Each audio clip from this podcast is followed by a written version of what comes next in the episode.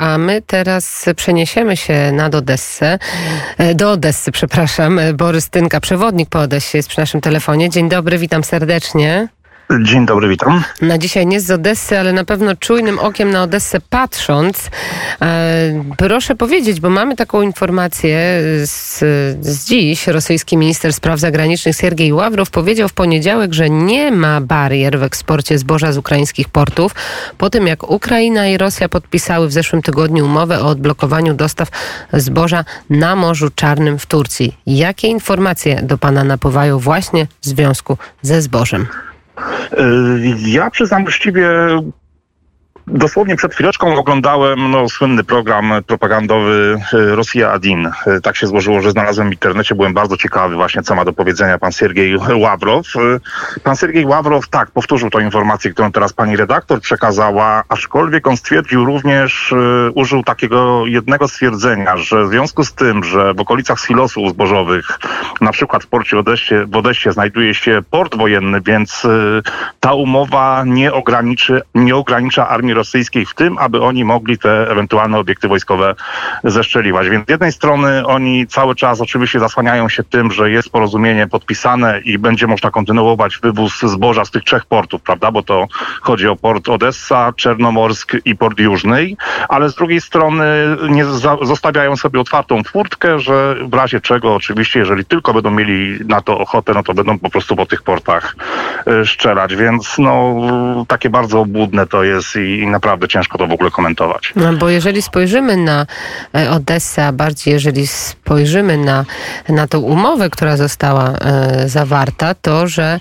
e, właśnie Ławrow ocenił, że w tej umowie dotyczącej zboża podpisanej przez Rosję, Turcję i przypomnijmy Organizację Narodów Zjednoczonych nie ma nic, co mogłoby zapobiec dalszemu atakowaniu infrastruktury wojskowej na Ukrainie. Więc to jest taka furtka, rozumiem, tak, dla Federacji tak. Rosyjskiej. Tak, y, Federacja Rosyjska na pewno to będzie wykorzystywać, znając ich podłość. Na pewno to będą robić.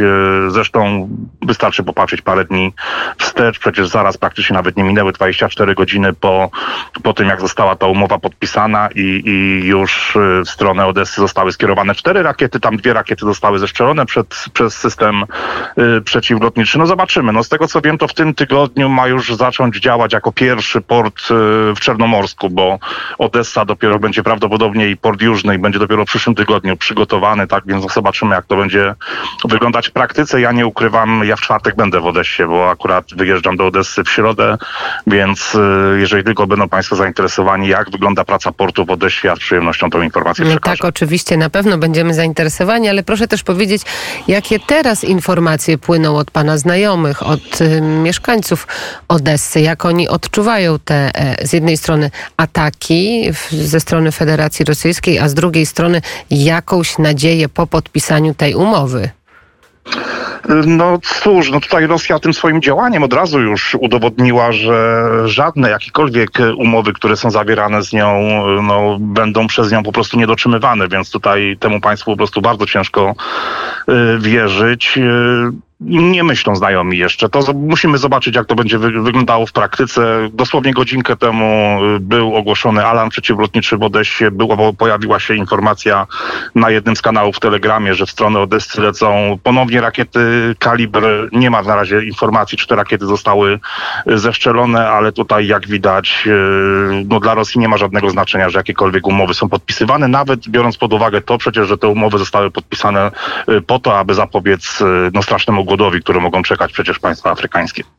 Ale w ogóle też mamy takie rozbieżności, prawda? Bo e, niektórzy z przedstawicieli Rosji mówią o tym, e, że Ministerstwo Obrony na przykład e, Narodowej przyznaje się do tego, że były jakieś ataki na port w Odessie. Z drugiej strony mamy Jewgenia Popowa i rzecznika MSZ-u, którzy mówią na właśnie o tym porcie w Odessie. Minister obrony Turcji Turcji z kolei mówi, że Moskwa nie ma nic wspólnego z atakami rakietowymi na port w Odessie, no, więc zupełnie mamy rozbieżne też sygnały płynące od oficjalnych tych struktur. No niestety, no, tak to wygląda, że pierwsza informacja, jaka poszła ze strony Federacji Rosyjskiej, to ta, że oni w ogóle nie mają nic wspólnego z wyszczeleniem jakichkolwiek rakiet na Odessę, chociaż wszyscy doskonale wiedzieli, że cztery rakiety zostały w stronę Odessy wysłane, dwie zostały zeszczelone, y, dwie trafiły w port.